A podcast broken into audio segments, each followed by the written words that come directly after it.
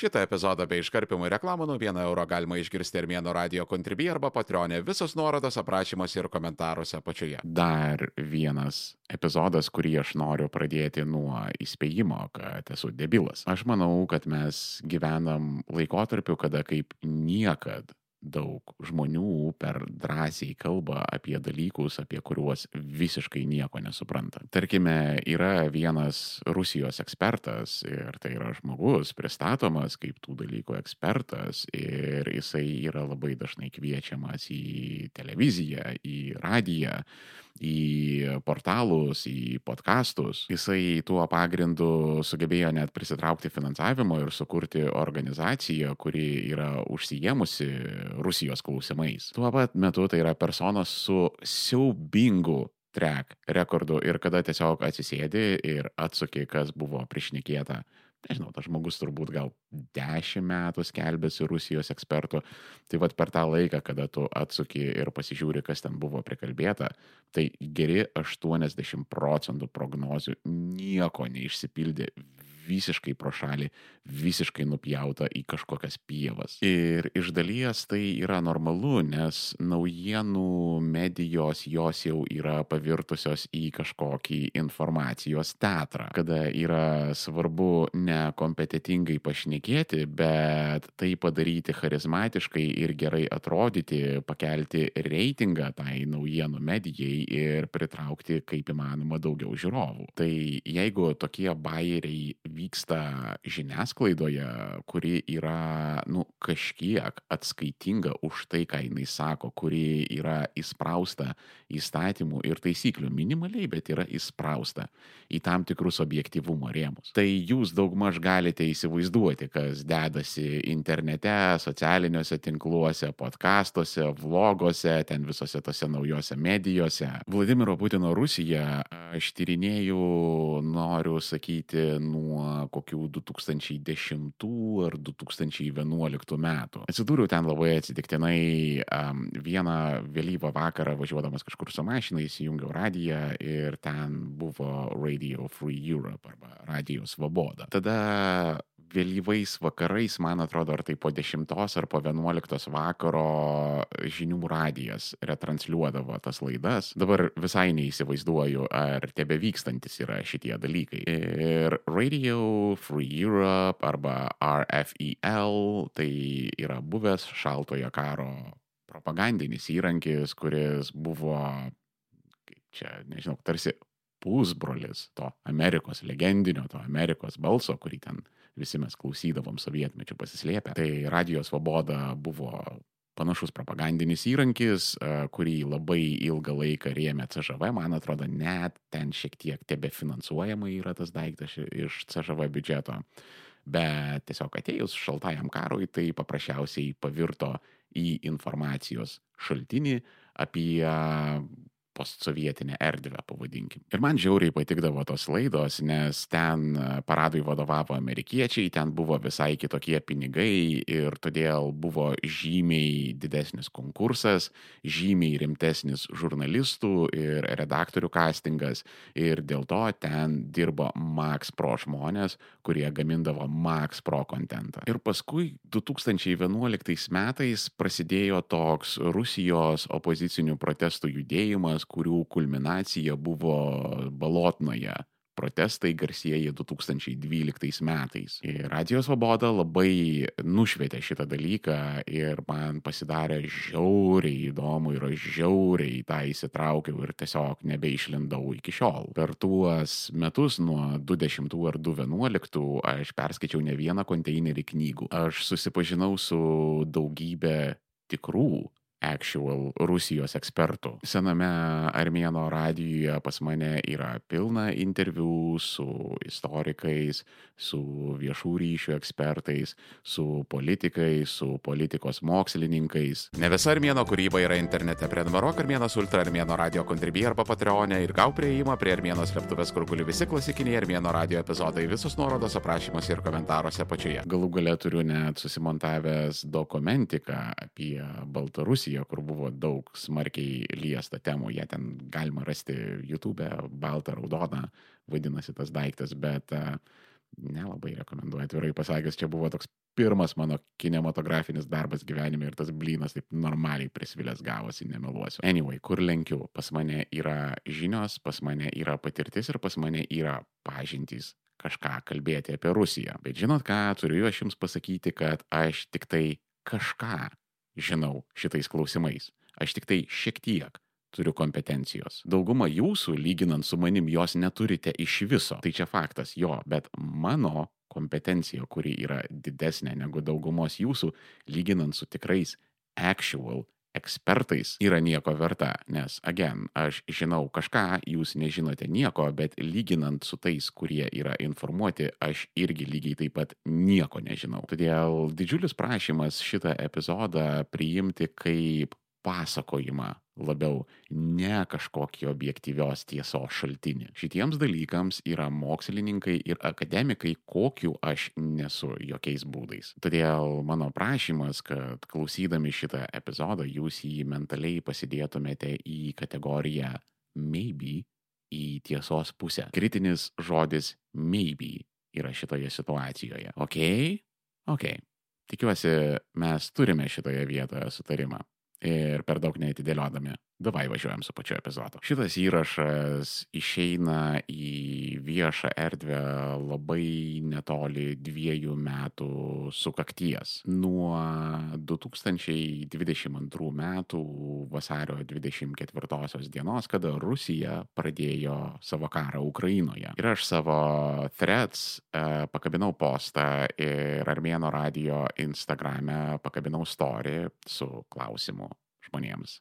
Kas jūs labiausiai neramina apie Rusiją? Vienas vienintelis dalykas. Ir jūs man prirašėte daugybę dalykų, bet ir Threads ir Instagrame galima buvo pajausti tokį vieną trendą. Jautėsi, kad žmonėms rūpėjo labai vienas klausimas, kuris skambėjo daug maž taip. Kodėl, blėt, taip ilgai? Patinka kiksmažodžiai? Prenumeruok Armėnas Plus tik už 1 eurą į mėnesį Armėno radio kontribį arba patronį ir klausyk epizodų be reklamų ir iškarpimo visus nuorodas aprašymuose ir komentaruose apačioje. Du metai praėjo, o Rusija dar nepralaimėjo savo karo. Kame reikalas? Simple, nes jeigu Amerika būtų norėjusi sustabdyti karą Ukrainoje to jau pat, jeigu Amerika būtų norėjusi Rusijos pralaimėjimo, jinai tai būtų galėjusi padaryti per pusės metų laikotarpį. Vat atkreipkite dėmesį, kokie buvo svarbus Ukrainai ginantis nuo Rusijos agresijos džiavelinai. Džiavelinai ne militaričiadams, tai grubiai šnekant yra tokios prieštankinės raketos. Labai jeigu tūpai, tai tokia bazuka, kurią užsidedi ant pėties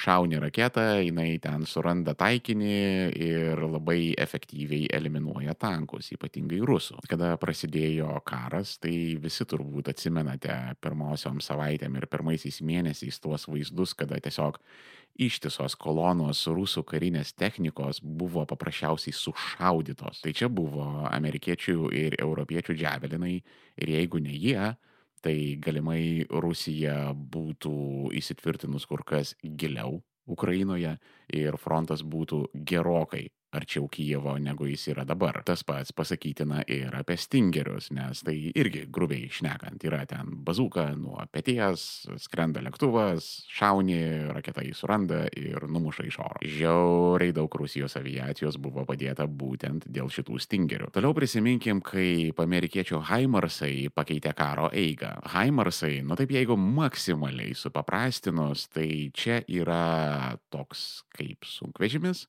ant kurio galima pakrauti daug visokiausių raketų su skirtingais nuotoliais, skirtingomis galvutėmis, skirtingomis paskirtimis. Ir dauguma tų raketų yra siaubingai tikslios ir Haimarso visa paskirtis, tai tiesiog tai yra tokia greita, mobili platforma, su kuria tu greit gali kažkur privažiuoti, šauti ten, kur reikia ir dinkti, kol tavęs niekas nepastebėjo. Kada pradėjo važiuoti pirmieji amerikiečių Haimarsai ir dauguma jų buvo iš senų gilaus saugojimo sandėlių, way, karas staiga pradėjo judėti Ukrainos naudai ir Rusija labai greitai prarado užimtus Harkivo ir Hersono miestus gana didelė dalimi dėl tų Haimarsų. Jeigu per pirmus pusę metų iki Ukrainos būtų privežti F-16 karo lėktuvai tokie, leopardai, tokie vokiški tankai specifiniai, dar daugybė kitokių dalykų, Rusija būtų to neatlaikiusi ir gėdingai, gėdingai pralaimėjusi karą. Ir Amerika šitos dalykus laisvai galėjo užtikrinti, nes mes kalbame apie valstybę, kuri 20 metų, daugiau netgi negu 20 metų, kariavo per pusę pasaulio du karus. Vieną Afganistane, kitą Irake. Vat atsiverskite žemėlapį ir pasižiūrėkite, kur yra Amerika ir kur yra šios dvi valstybės. Ir jinai daugiau negu du dešimtmečius per šitokį atstumą galėjo aprūpinti savo kariuomenę. Tai privežti iki Ukrainos F-16 leopardų, ten amunicijos, neperšaunamų lemenių, optikos ir kitokių dalykų, čia, nu, tes, nu, čia net neužduotis būtų Amerikos kariniai logistikai. Ta prasme, jie ten turi žymiai daugiau reikalų, kada reikia ten kokią nors karinę bazę perkraustyti iš vienos valstijos į kitą valstiją. Ir čia nereikia ieškoti jokių samokslų, jokių grandiozinių teorijų, nes samokslai politikoje yra paprasčiausiai neįmanomi. Patikėkit manim, aš mačiau iš vidaus Seimą, aš mačiau iš vidaus Vilniaus ir Kaunas savivaldybės, aš mačiau iš vidaus Europarlamentą. Ten žmonės antiek šneka, antiek fleksina, kad bet koks samokslas išsivaikščiotų per penkias minutės nuo jo sugalvojimo. Realiai yra viskas žymiai paprasčiau. Tiesiog niekas nenori būti kraštinis. Jeigu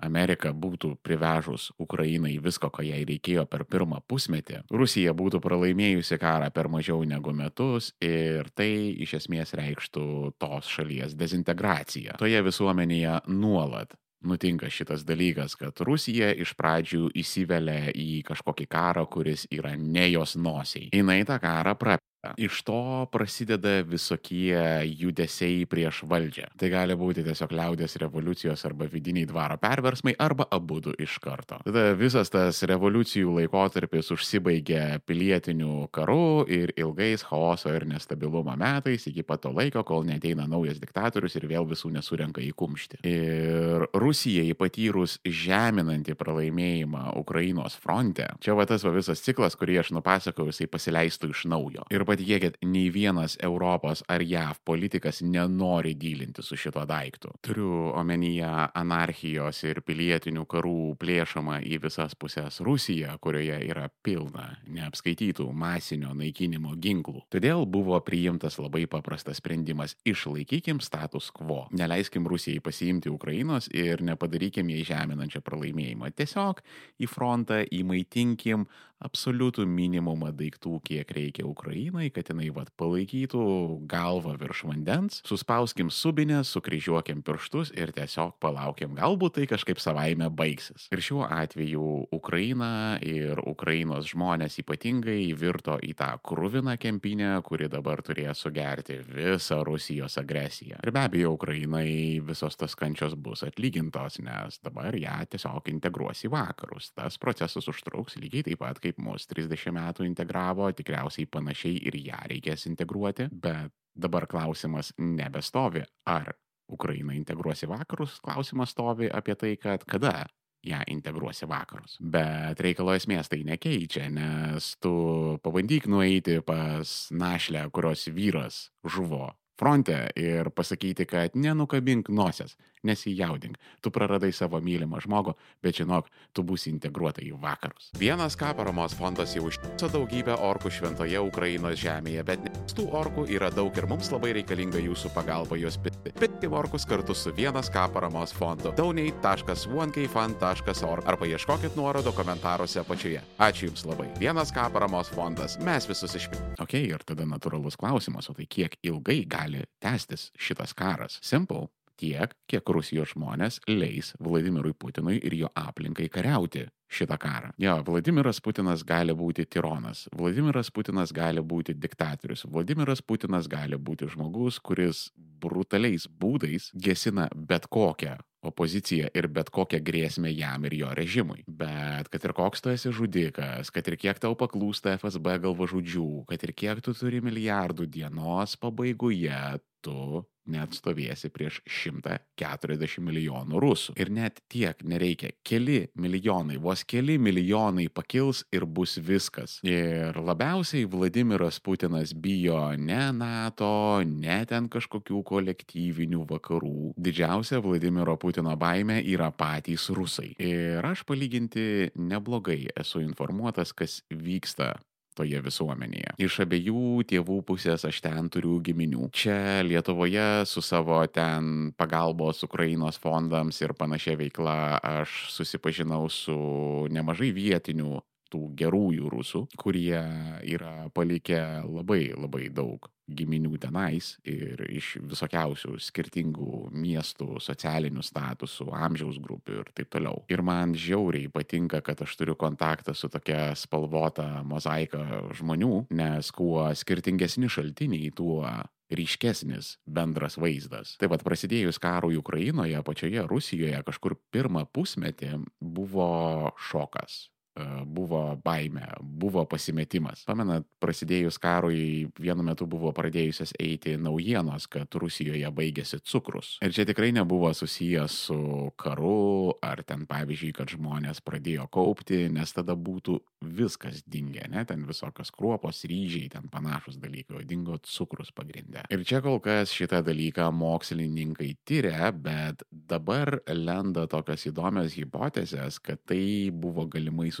su tuo, kad rusai pradėjo klaikiai stres įtinti. O kada tu taip darai, tave pradeda nešti ant visokiausio fast foodo, ant čipsų, desertų ir limonadų ir panašių dalykų. Šitam maistui pagaminti reikia labai daug cukraus ir galbūt tai paaiškina, kodėl jisai dingo. Ir žinot, kodėl man šita hipotezė atrodo realistiškai? Dėl to, kad beveik visi kontaktai, su kuriais aš turėjau pokalbius, apie tai, kas su jais vyksta Rusijoje. Beveik visi skundėsi, kad jiems priaugo žiauriai daug svorio. Tai pirmas karo pusmetis Rusijoje buvo stressful. Antras pusmetis buvo toks melancholiškas labai. Hitino ta visa depresūcha, kada pasidarė aišku, kad čia yra ilgam ir čia iš rimtųjų, o dar ten visokios mobilizacijos prasidėjo, čia tavo pusė draugų pabėgo, čia kažkas jau grįžo cinkuotose karstuose, čia šita pusė tavo giminės nesikalba su ana pusė giminės. Ir Rusijoje toks buvo bendras visuotinio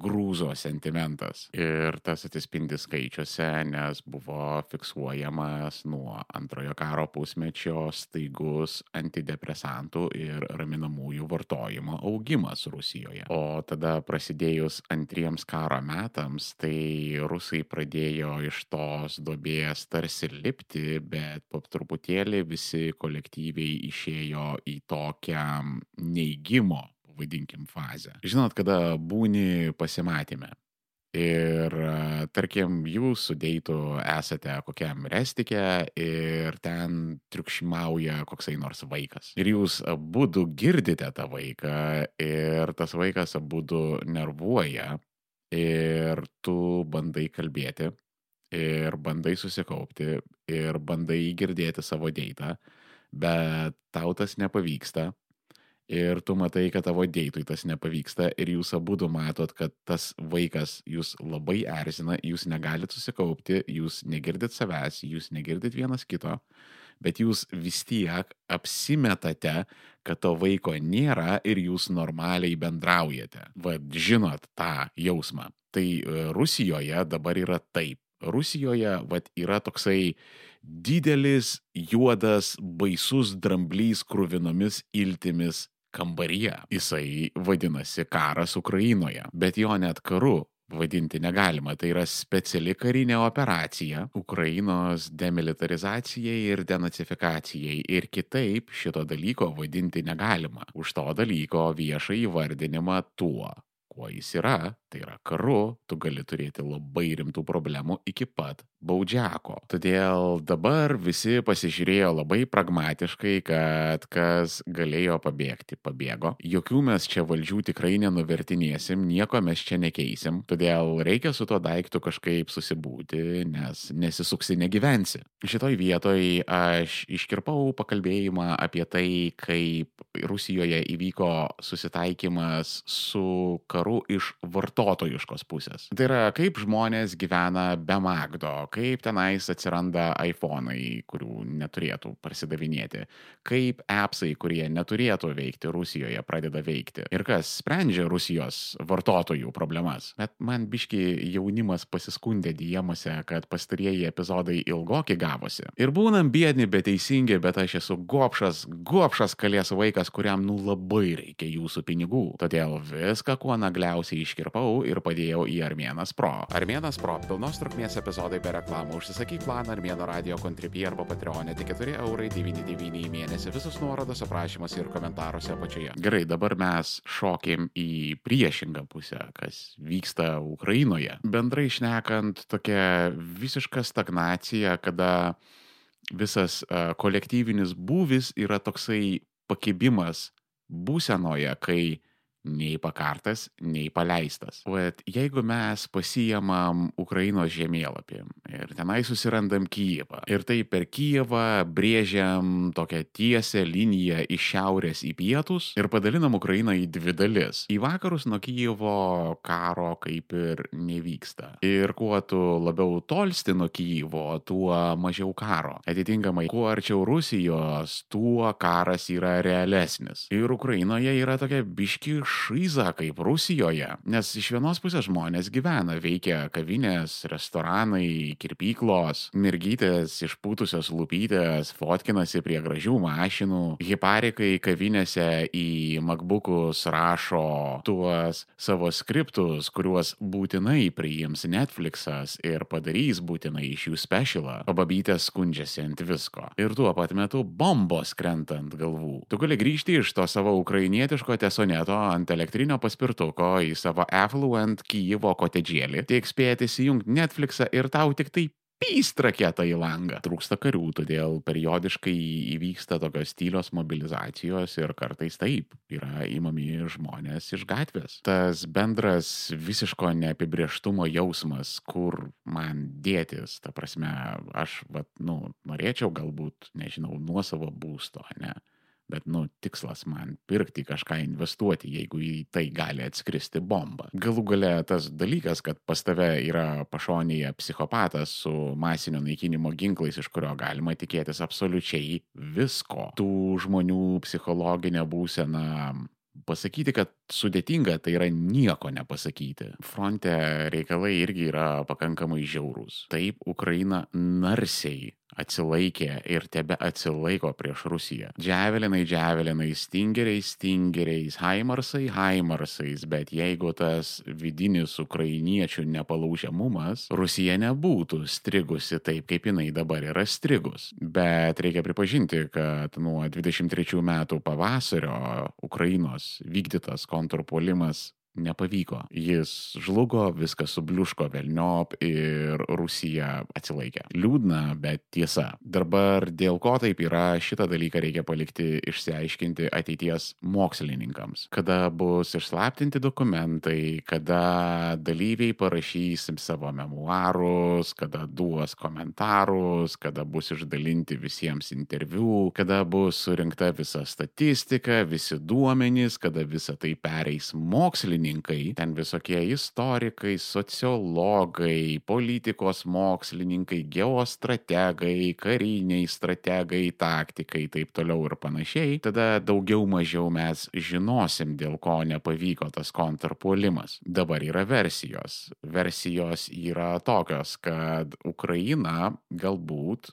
su kontrpuolimu padarė žaidimą išprovokuoti vakarus, skirti jiems didesnę finansinę ir karinę paramą. Pagal tą versiją vakarai nenorėjo išjudinti bereikalo tos bendrai nusistovėjusios būsenos ir tiesiog vilkino klausimus, kol nepasidarė per vėlų. Kita versija yra sabotažas iš vidaus, kad opozicinės jėgos tokiose valstybėse kaip Junktinės Amerikos valstijos, tai šituo atveju būtų kokie nors trumpistai arba koksai nors Orbanas ES kontekste, jie stabdė ir blokavo bet kokias iniciatyvas skirti paramą Ukrainai ir dėl to reikalinga karinė pagalba ne pasiekė fronto ir žlugo visas kontrpolimas. Čia tokios dvi daugiau mažiau mainstreaminės pagrindinės versijos, bet ir jų yra daug, jų net neverta vargintis, kiek tų versijų yra apie kontrpolimą. Esmė ta, kad nepavyko. Ir esmė ta, kad dabar yra toks stalemate'as fronte. Ir šita situacija, kada nei vienam, nei kitam gali tęstis žiauriai ilgai. Ir dabar jau yra Ukrainai atsirakinę daug rimtesnės ginkluotės, tie patys F-16. Bet dabar situacija yra šiek tiek kitokia, nes F-16 buvo labai labai reikalingi pirmą pusmetį ir juos ten būtų kreivai išleivai, bet kaip įsisavinę, bet tiesiog tuo metu būtų labai reikėję to daikto, kada tiesiog reikėjo užmėtyti kažkuo dar nespėjusi įsitvirtinti priešą. Dabar F-16 užtruks dėl to, kad juos reikės properly integruoti į Ukrainos karo mašiną, pavadinkim. Ir karo lėktuvai tai nėra ten sulankstoma lopeta kokia nors. Tai yra dalykai, kurie reikalauja atitinkamo pasiruošimo ir atitinkamos didžiulės milžinių, neįsivaizduojamai didelės, sudėtingos ir labai brangios infrastruktūros. Ir realistiškai dabartinė situacija fronte yra kaip tam Frosto eilėraštyje Miles to go before I sleep. Ir šitas karas tokioje fazėje tęstis gali ilgai, ta prasme, ne vienus, ne dviejus, ne penkdešimtmečiais taip gali būti. Nes kaip tu tenais bestumdysi šachmatų figūrėlės, vis dėlto Ukraina yra 40 milijonų, Rusija yra 100 40 milijonų. Ukraina neturi masinio naikinimo ginklų, Rusija turi masinio naikinimo ginklus. Daugeliu ekonominių, gynybinių, demografinių, finansinių ir kitų parametrų Rusija lenkia Ukrainą. Ir objektyvi realybė yra tokia, kad Rusija gali sauliaisti kariauti ilgiau negu Ukraina priešintis. Ir kuo mažesnė vakarų pagalba Ukrainai, tuo jinai mažiau gali priešintis. Todėl dabar objektyvi realybė yra tokia, kad karas įeina į stagnacijos fazę ir tai gali tęstis nuo kelių mėnesių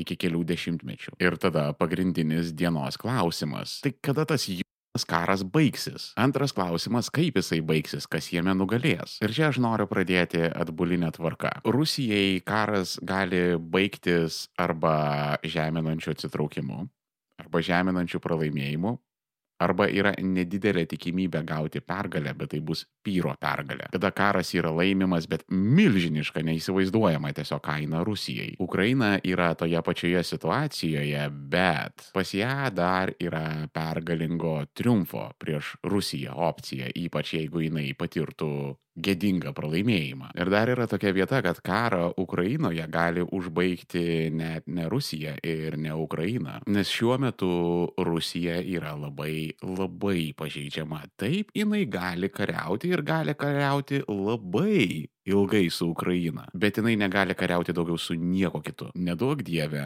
Turkijai kils idėjų prisiminti, kad visa pietinė Rusija tai yra buvusios turkų žemės. Arba Kinija, kuri atsimins, kad visi Rusijos tolimieji rytai kažkada jai priklausė ir tiesiog buvo atimti iš jos caro kažkur XIX amžiuje. Oficiali Rusijos propagandinė žinutė buvo tokia, kad ant Rusijos iš Ukrainos buvo ruošiamas puolimas. Slaptas NATO ir kolektyvinių vakarų organizuotas puolimas. Ir Rusija neturėjo jokios kitos išeities, tik tai preventyviai užpulti Ukrainą. Žinau, tam, kad galėtų apsiginti nuo to puolimo. Ir Vladimiras Putinas, kurį propaganda šitiek laiko rodė kaip neįsivaizduojama 5D šachmatus žaidžiantį genijų, čia, by the way, trumpistai tą patį pasakoja apie savo dievą imperatorių. Ar sutapimas ar nemanau, čia šitą klausimą užsiduokit savo. Tai tas didysis geostrategas Putinas dabar atvėrė Rusiją bet kokiam puolimui iš rytų. Viskas yra dabar sukišta į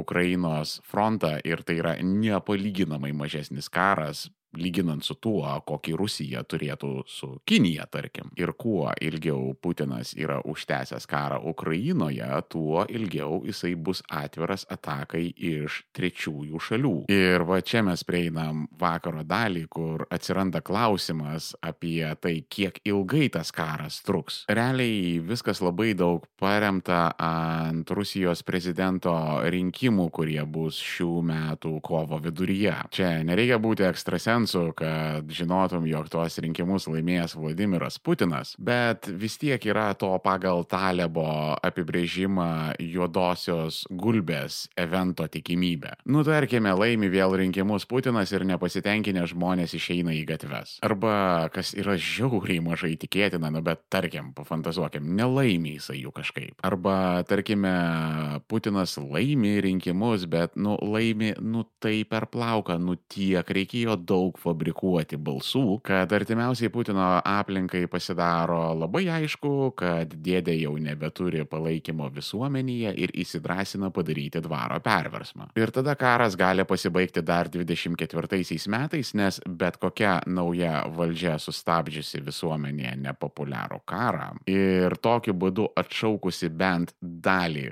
vakarų sankcijų susilauktų labai didelio palaikymo iš visuomenės. Nes čia būtų momentinis pagerėjimas milijonams Rusijos gyventojų, bet tie juodosios gulbės efektai yra ypatingai reti, dėl to jie ir vadinami juodomis gulbėmis, nes jos yra retos. Ir greičiausiai bus einama tuo tokiu minimaliu pokyčių keliu. Aš turiu visiškai pripažinti, kad tai mano vidinis jausmas. Ir aš čia buriu tiesiog iš nuojautos. Man intuityviai norisi tikėti, kad greičiausiai Vladimiras Putinas laimės prezidento rinkimus normaliai, natūraliai už jį nubalsuos nemažai žmonių, nu ten tarkim, nežinau, iš lempos 60 procentų stobaliai. Nu, jis ten žinoma rinkimuose surinks ten kokius 83 procentus, bet realistiškai už jį balsavusių ten bus, tarkime, 60. Kas tikrai yra labai daug, nes vakaruose 60 procentų jau tai yra landslide victory, jau tu skaitosi sutrypiai tiesiog savo oponentą į žemę. Ir čia iš karto labai smarkiai sumažėja dvaro perversmo tikimybė. Niekas nenorės šokti prieš tokį palaikymą. 60 procentų jau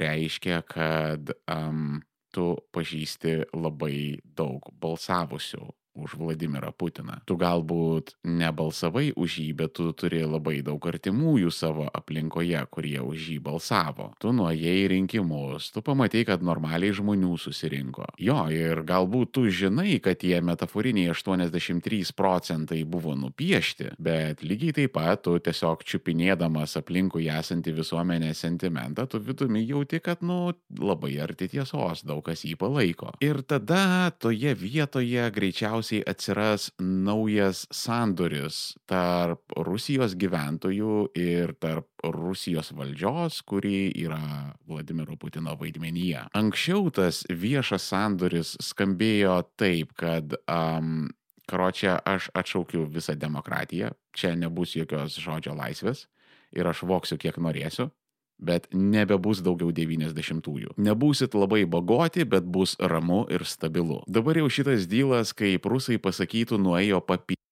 Ir dabar greičiausiai bus per šituos rinkimus padarytas naujas dylas. Man norisi galvoti, kad Rusijos žmonės tiesiog Vladimirui Putinui leis išeiti iš šitos situacijos pakeltą galvą as long as jisai užbaigs karą. Tau, Vladimirai, nereikia niekur skubėti. Gauk pažaisti tą savo didįjį geostrategijos genijų, mes apsimesim, kad nieko nematėm, bet tiesiog eventualiai prašom užbaig šitą karą. Ir tada nuo kokių 25 metų po truputėlį prasidės atsitraukimas. Iki kol bus sustota kažkur Ukrainos pasienio pakraštyje, kur nors įsitvirtinta, tarkime, Luhansko mieste, kuris yra labai netoli sienos su Rusija. Ir tada pompastiškai galima bus paskelbti, kad Ukraina buvo demilitarizuota, denacifikuota, speciali karinė operacija pavyko, Putinui kaip Brėžnevui kabins vieną po kito medalius, ten gyvam paminklų statys, filmus kurs, dokumentikas visokias, kaip vat Rusija did didvyriškai kariavo Ukrainoje, kaip nugalėjo NATO su kolektyviniais vakarais. Ir greičiausiai Rusijos žmonės leis jam tai padaryti, nes galiausiai tas jo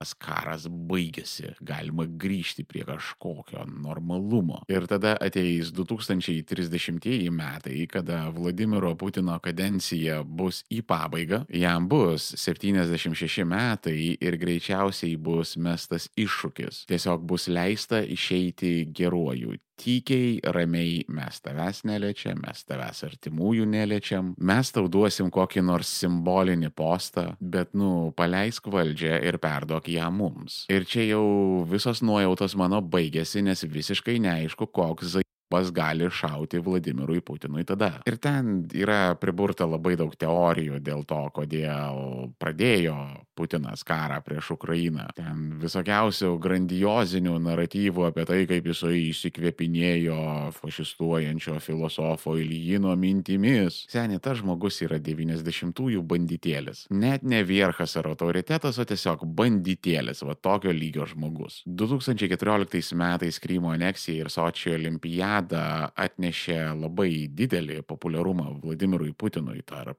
Rusijos gyventojų. Buvo toks geras šūvis anabolikų jam į reitingą. O čia jisai atranda save 22 metais su pakritusiu palaikymu, nes žmonės labai išgazdino COVID. -as. Rusijoje jisai klaikiai buvo blogai suvaldytas, kilo nemažai protestų ir tie protestai gana brutaliai buvo nugesinti. Putinui paranoja, ar nenutiks kokios nepatogios situacijos per 24 metų rinkimus. Mums reikia trumpo pergalingo karo. Tas žmogus yra sunaikinęs tiek gyvenimų už blogas naujienas, kad daugiau niekas jam tokių nebeneša. Ir dėl to jis buvo įsitikinęs, kad pilnai įmanoma paimti Kyivą per tris dienas. Nors realybėje Rusija neturėjo kariuomenės visai. Tai buvo tik jos imitacija. Ir Čiuvas galvojęs greitai pigiai pasikelti populiarumo ėmė ir įsipainiojo ir dabar jau nebegali ištraukti uodegytės iš tos eketės. Also yra klausimas, kurį pakėlė vienas žmogus Instagrame. Kas toliau? kaip Rusija be Putino. Nes net jeigu, net jeigu jisai kažkoks yra fenomenaliai gyvybingas politikas ir sugebės išsilaikyti visą savo gyvenimą, ir net jeigu jisai trauks 90 kelis metus gyventi, jisai vieną dieną mirs. Kas toks arba tokie po jo ateis ir ar sekantys Putinai nebus dar blogesni negu šitas Putinas. Ir čia gali būti atsakymas į daugelio klausimą, kuris irgi buvo daugybę kartų paliktas tiek ir Trets, tiek ir Instagrame, kuris buvo apie tai, kokia yra reali Rusijos grėsmė keliama mums. Ar gali kilti karas su NATO? Aš nežinau, bet žinau, kad mes esam perėję iš fazės labai maža beveik neegzistuojanti tikimybė į fazę, kuri vadinasi yra tikimybė. Vieni klausytojai bijojo Wagnerio, kiti klausytojai bijojo penktosios kolonos, treti turėjo savo susirūpinimų. Bet viskas yra dalykai, kurie kylantis yra iš tos pirminės problemos, kad mes įėjom į karo su Rusija rizikos laikotarpį. Ir jisai greitų metų nesibaigs. Yra aišku, kad Rusija šitą karą pralaimės. Per daug yra padaryta klaidų, per daug destabilizuota ta valstybė, per daug Vladimiras Putinas ją atvėrė išorinių jėgų atakoms. Rusija mokės didelę, didelę kainą už šitą nuodėmę ir net jeigu, net jeigu jai pavyktų turėti kažkokią pergalę, jinai ateitų dar didesnę kainą negu negu pralaimėjimas. Visais atvejais, žiūrint ilguoju laikotarpiu, Rusija pralaimėjo. Reikia tik tai sulaukti paskutinio skambučio. Ok, pastaruoju metu mes tokias labai rimtas temas liečiame ir aš pagalvojau, kad reikėtų tokio pasidirgimo. Grįžti prie ištakų, rantai ir kokybiškos patyčios. Noriu išniekinti tą keistą motivacinį šūkį kuris nieko neduoda, tiesiog varo žmonės į anxiety. Todėl toksiška motivacija kitą kartą per Armėno radiją. Jeigu nenori laukti ištisos savaitės epizodas, jau guli Armėno radio Contribui arba Patreonė, prenumeruok Armėnas Pro ir klausyk visų epizodų iš anksto viso labo 4,99 į mėnesį. Visos nuorodos aprašymuose ir komentaruose apačioje. Kur dar internete būna Armėnas? Ieškokit manęs link 3 lešas Armėnas, viskas vienoje vietoje arba žiūrėkit aprašymuose ir komentaruose apačioje. Jeigu esate tikri Armėno kentai, laikinat, šėrinat, komentuojat, subscribinat ir rekomenduojat visiems. Šiandien tiek. Iki kito.